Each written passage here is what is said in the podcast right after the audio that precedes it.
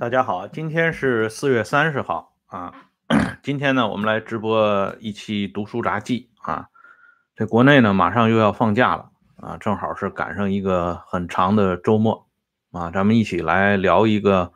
眼下很有意思的事情啊。这是昨天啊，有的朋友发在这个微博上边，才让咱们这个大开眼界。原来这个朱自清啊，谢谢老兄啊。老兄多次关照咱们这个节目，感谢啊！朱自清老先生啊，曾经有一个有一篇非常有名的散文啊，我们都知道啊，朱先生的散文在中国这个现代文学啊 领域当中所占有的独特的地位。我们上高中的时候都学过他的那个著名的《荷塘月色》。啊，包括前几年播放的那个电视连续剧《北平无战事》里边，也是反复的啊，这个出现过《荷塘月色》这篇文章的朗诵的场面。嗯，当然也是回应这个朱自清为什么突然就去世了。啊，这个朱自清另外一篇散文，实际上我认为啊，比这个《荷塘月色》的这个造诣呢，可能还要高一些。因为《荷塘月色》呢，完全是写景状物，这个东西呢，跟这个啊人伦情调似乎呢还有着一段的距离啊，是属于这种文人这种这个内心感呃内心这种视觉世界的这种呃纯表啊，但是背影就不同了。背影呢，我们是在初中，我们上初中的时候学的这篇散文。啊，这篇散文呢，一开始读起来，你知道那个年代人他写文章跟后边啊这个八九十年代人们写文章的那个特点完全不一样，所以一开始读起来觉得特别没意思啊。但是越往后看，尤其是这个朱自清他老爹啊，就是那个那种啊笨拙的身影啊，就是然后这个翻阅的那个那个镜头，以及后边的这几句话，就是特别让人感动。啊，因为那个时候大家虽然年纪不大，只有十一二岁、十三四岁，可是这种人的感情是普遍存在的啊，因此被这种真情所打动。啊，不过呢，最近我又翻了一下啊，因为正好是做这期节目嘛，我就翻了一下这个百度上边的《荷塘月色》，后边有一句话挺有意思啊，我记得跟我当年学教科书里边的这个散文原文有所不同。他说：“这个 他老爹呢？朱自清说他老爹是终于忘却我的不好，只是惦记着我，惦记着他的儿子。但是我记得我们当年学这个散文的时候写的可不是啊他的儿子，而是我的儿子。所以那个时候呢，老师还专门启发我，呃，启发我们这些人说，这个这里说的这个我的儿子。”指的是谁啊？大家后来有回答说这是朱自清的儿子，老师就很高兴。老师说非常好啊，这个回答的很好。然后呢，老师就专门给我们这老语文老师还真的有点这个小背景啊，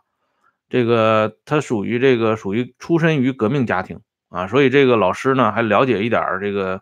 呃党史，他就讲这里啊文中出现的我的儿子。指的就是朱自清先生的长子朱麦先。他说：“朱麦先同志呢，是一位优秀的地下党工工作者啊，为了革命呢，抛头颅、洒热血啊，等等。所以那个时候呢，大家就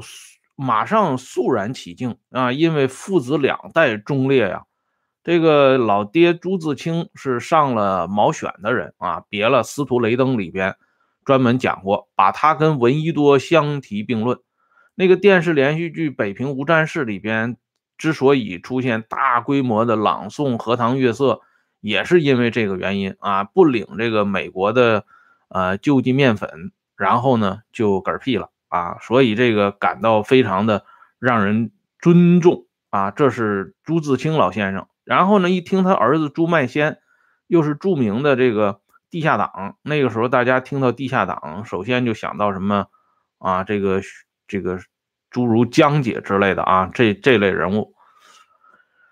呃，总之呢，这个对这父子两代的这种壮烈结局都表示非常的啊，就是激动。可是后来呢，因为这个乱翻书的原因啊，要不说那句话有道理：“清风不识字，何必乱翻书？”这一乱翻书以后呢，有一些这个场景就是太美了，就是不忍目睹了啊。因为朱自清也不是因为拒绝领这个美国救济面粉啊就丢了性命，他儿子朱麦先呢确实是烈士，但是这个烈士呢是这个死了三十多年之后翻案给追认的。但是当年呢，死的时候可不是以烈士的身份死的，他是在一九五一年被咱们自己人啊以这个蒋邦匪特的名义给干掉的啊，就是镇反的时候直接给枪毙了。所以这么一看呢，朱家父子的这个结局，再看他老先生的这个背影啊，真的就是让人浮想联翩啊。尤其这个《我爱我家》里边有一集啊，就是写到这个背影。啊，就是这个抓贼的那一集，所以今天呢，正好借这个时间跟大家一起聊聊这个背影。不是说怎么关注这篇散文，而是这篇散文最近呢又引发热议啊。北京有一位这个副教授啊，这个副教授啊要到教授，这还得爬一段坡啊。这个外国语大学的这位副教授呢，啊，丁先生。啊，最近发脾气了，他呢要求删除这个散文背影啊，这个他认为这个散文背影不行啊，为什么不行呢？因为这篇散文里边描述的朱自清的老爹啊，有违反交通规则的嫌疑啊，因为他大家读过这篇散文，知道啊，他有翻越的那个描述啊，再一个呢，形象也不潇洒，应该指的是朱老先生的老爹呢。这个就是比较臃肿啊，肥胖，所以呢，根据这两条原因，要把这篇散文呢从这个教科书里边挪出来。昨天这个消息出来以后呢，看底下的评论啊，真是乐翻了人群呐！啊，底下的评论很有意思啊，有的人就说，那要是这么推断下去啊，那孔夫子首先也不行啊，因为孔夫子是属于这个无证教学。啊，没有这个教学资质啊，没有到教育部领到牌照，然后他就教这么多学生，然后呢，底下还有跟的，就说那不光是无证这个教学，它还有一个聚众的问题啊，影响这个安定团结啊，然后呢，啊，类似的啊这些东西就都出来了啊，这评论很好看，所以从这些评论里边呢，我们也可以看到这个现实啊，真的很滑稽。啊，这么一个，呃，这个传颂了几十年的，哎，呃，这个咱们这位姓姜的网友说的很好啊，这完全可以定义为传销啊，这人太多了啊，杰出的弟子就七十二个啊，乌泱乌泱的这么多人听一个无证这个教学的人在那儿讲，而且呢还这个集传成书啊，谬种流传。啊，实在是太不讲究了。嗯，就是说我们几十年啊阅读过来的这么一篇散文，完全是体现了这种人伦，嗯，正常的人伦之情啊，父子之间的这个感念之情、怀念之情。可是到了今天这个时代啊，居然呢遭到这样的炮轰。我们不知道这位教授他这副教授啊，他是出于什么样的心态。但是这种言论能够大行其道，啊，本身也反映了这个时代的这个诡异之处，啊，这个诡异之处呢，已经不仅仅是体现在这个，呃，这篇散文，啊的出现，啊，实际上呢，也体现在其他的一些东西，比如说今天大家在这个电报群里议论纷纷的这个入关学，这入关学已经在网上飘了很久了，其实一开始我都。根本就没注意到啊！后来呢，有的朋友给推荐了一下，哦，我看了一下，很有意思啊。这个，嗯，居然这个能够哈，这个炮制出这么一种言论啊，把自己呢一下子归到这种啊，自己在历史教科书里边啊经常讽刺的啊，经常这个暗中抵抵触的这个东鲁的形象啊，把这个形象呢一下子给高大起来了。但是大家要知道啊，这个入关学呀，实际上并不算是最近啊，这个国内著名的这个伪知识网站里边啊原创炮制，其实它很早就有了啊啊！我记得最早的时候啊，要不我经常说这个中国的大戏啊，这个盐碱地的大戏要看辽宁呢，就是辽宁这个地方奇葩非常多啊。有一年我记得印象非常深，应该就是啊。二零零四年，啊，二零零四年，辽宁省沈阳市，当时我在网上看的这篇报道啊，让我感到非常吃惊。因为这个事情为什么能够映入我的眼帘呢？因为这个事儿在当时是锣鼓喧天，影响非常之大啊。作为招商引资、作为开放旅游的一个风向标被推出来的，就是对这位朋友说的非常好。二零零四年，沈阳市。就是由当时的中共中央候补委员、中共沈阳市委书记、辽宁省委副书记张行江牵头，搞了一个庆祝清军入关三百六十周年的大型招商引资活动，以沈阳为坐标啊，辐射整个东三省，欢迎全国全球啊这些对这个经济发展、对文化旅游感兴趣的朋友们到这个啊辽宁。来玩一玩，扔点钱啊！用现在的话讲叫打赏了，嗯，就这么一个活动。当时就是大吃一惊，因为这个我们在从上学到后来成长，到包括后来这个咱们闲时翻书，这个清军入关在什么时候，它都不是一个正面词啊，或者讲它都不是一个褒义词啊。你说它是中性词，实际上都已经很勉强了。因为清军入关意味着一场灾难，啊，因为清朝入关之后，他的这种统一活动，啊，统一，呃，这这种统一中原的这种做法，是伴随着极度血腥的这个镇压开始的。所谓扬州十日，嘉定三屠。扬州十日是谁搞的？是清朝的定国大将军啊，和硕豫亲王多铎亲自下令的啊，在扬州三天。不封刀，啊，大肆的劫掠，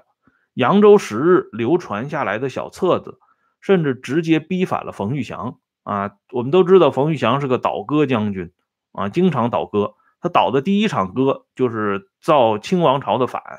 而这个冯玉祥以前是个忠臣孝子啊，在那拉氏和光绪皇帝死的消息传来以后，冯玉祥痛不欲生啊，然后呢？居然仿效这个满人的做法，要割辫子啊！因为满人有这个习惯，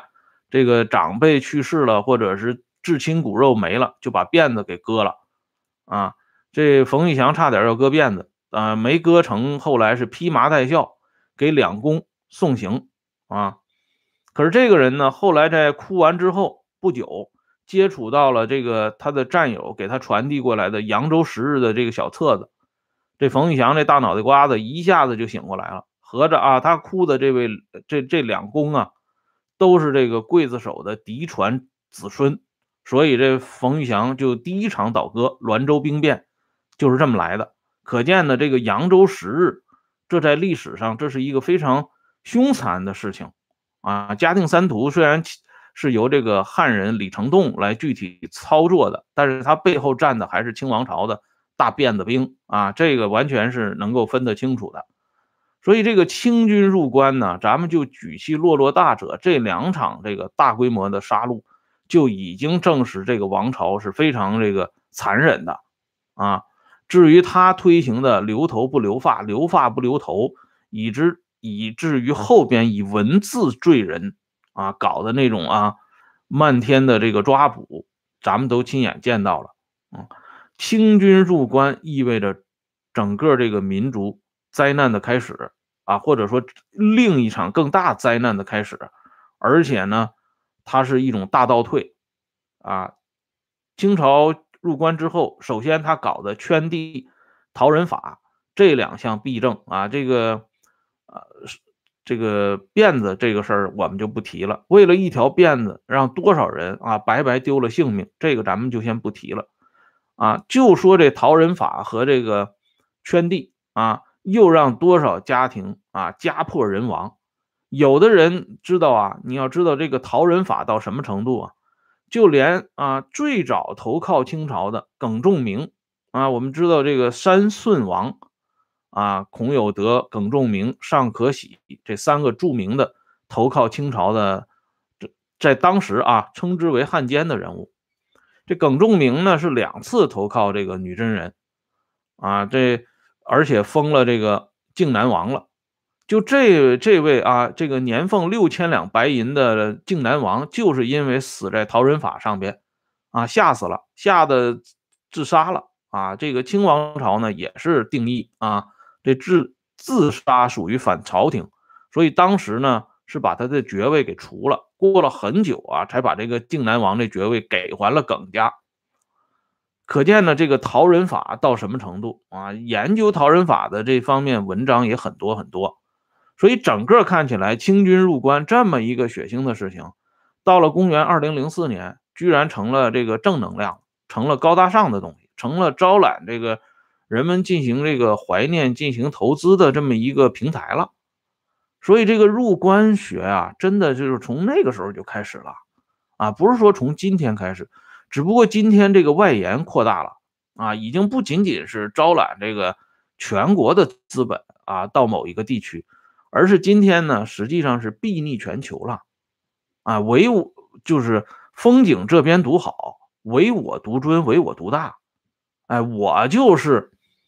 大清啊，这已经是就是干脆就是连这个裤衩都已经不要了啊。虽然这些东西呢是出自于民间之口，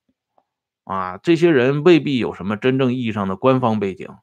啊，包括这个刚才我们说这个要删除朱自清先生。这个散文的这位丁大教授啊，丁副教授啊，他也未必有什么官方背景啊，但是这种民间的这种意图所反映出来的这个苗头，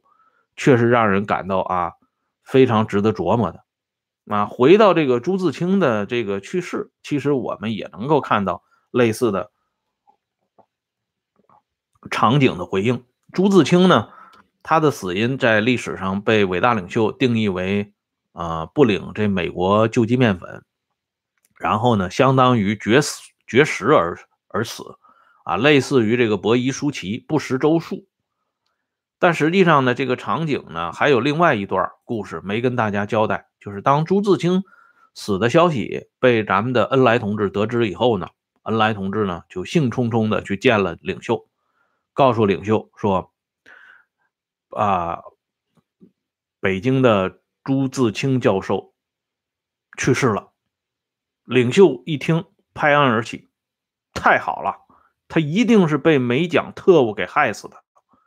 这样的话，我们的文章就有做头了啊！当时领袖的原话是这么说的，第一句就是太好了啊！这朱自清泉下有知啊，不知作何想法啊！他的死呢，成了人家写文章的由头了啊！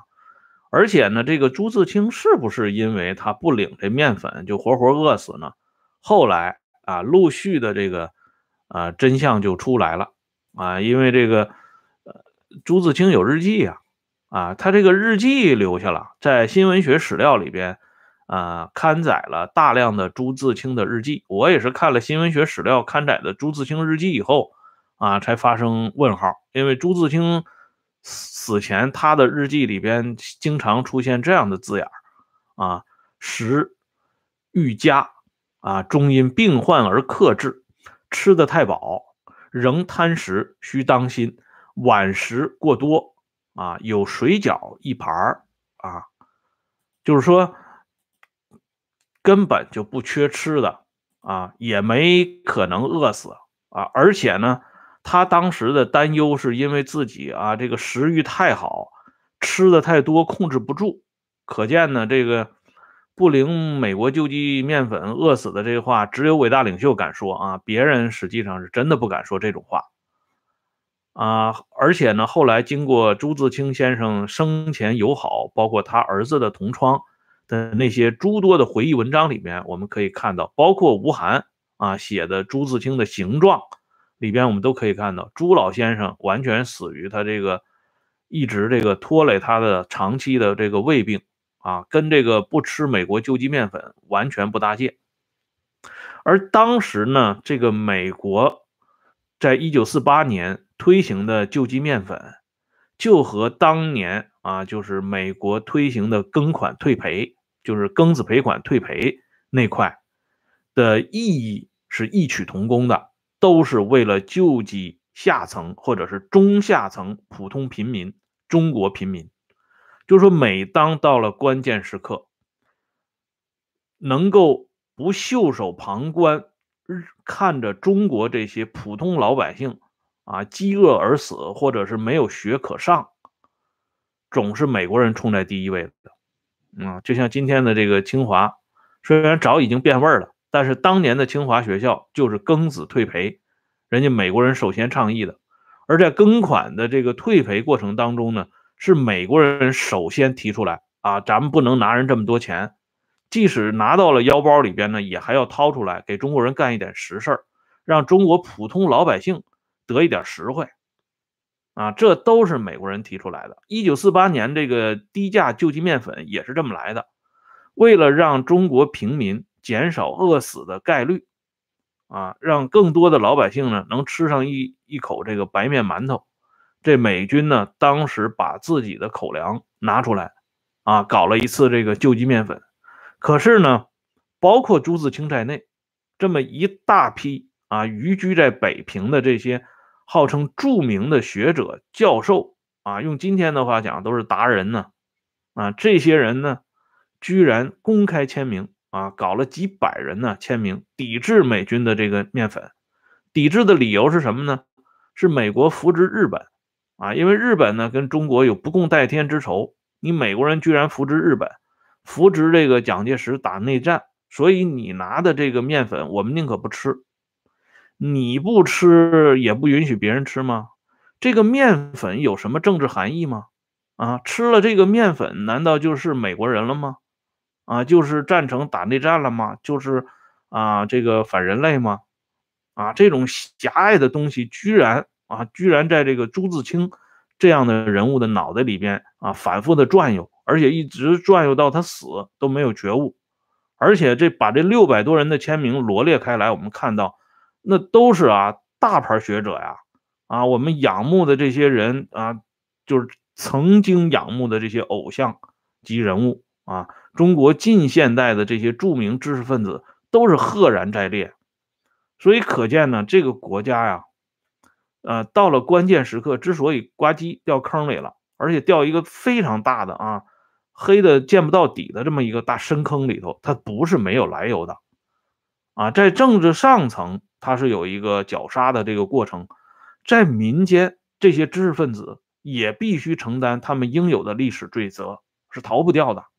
当然，这个板子你不能光打到这个知识分子身上，以前是过于强调这个东西，亡国皆由士大夫所致啊，这种说法是太偏颇了啊。士大夫手无缚鸡之力，他也没这么大本事。你说他卖国，他又不掌握这个国家任何一把钥匙啊，任何一把有用的钥匙，他到哪儿卖去？对吧？但是他们确实是助纣为虐、推波助澜的。这朱自清虽然死了，但是他身上的这个耻辱没有因为他的死亡而洗刷掉。更感到耻辱的是，这么个人啊，把自己的这条命。交给了这场左倾革命，他的儿子朱麦先，十八岁啊，秘密参加这个劳动党，而且朱曼先是什么人呢？他最早跟那个江泽民的老爹啊，其实不是亲爹啊，就是后来认的那个爹江上清，他们都是战友啊。他是江文团的成员呢，就是江都文化界的那个那个团体的成员啊，大家都熟。可见呢，这是一个老资格呀！啊，你要知道这个，嗯，江泽民最大的资本就是说他是这个烈士江上清的后代啊。可是江上清跟朱麦先那是脚前脚后参加革命的，但是这个人啊，三十三十三岁的时候，在湖南啊，前脚这朱麦先呢，刚刚啊，这个撮合了这个桂北，就是广西啊，桂北这个起义啊，向这个人民解放军投诚起义。啊，桂林市军管会非常高兴地接见了朱卖先。后脚呢，这朱卖先就被湖南当局当成这个现行反革命，当成这个蒋匪留在中国大陆的这么一个啊祸害，就给枪决了。一九五一年枪决，一九八四年朱卖先的遗孀，经过三十多年的奔走呼号，啊，最后呢，因为是改革开放了嘛，一九八四年要装出一种这个政治清明的这种形象，所以上谕啊，大笔一挥，恩准给朱卖先平反。这个时候距离朱卖先去世已经三十多年了，啊，这又是几代人过去了，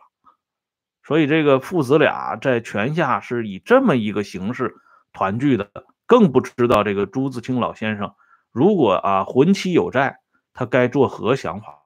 那个时候他是不是还能够啊看到他爹的这个背影呢？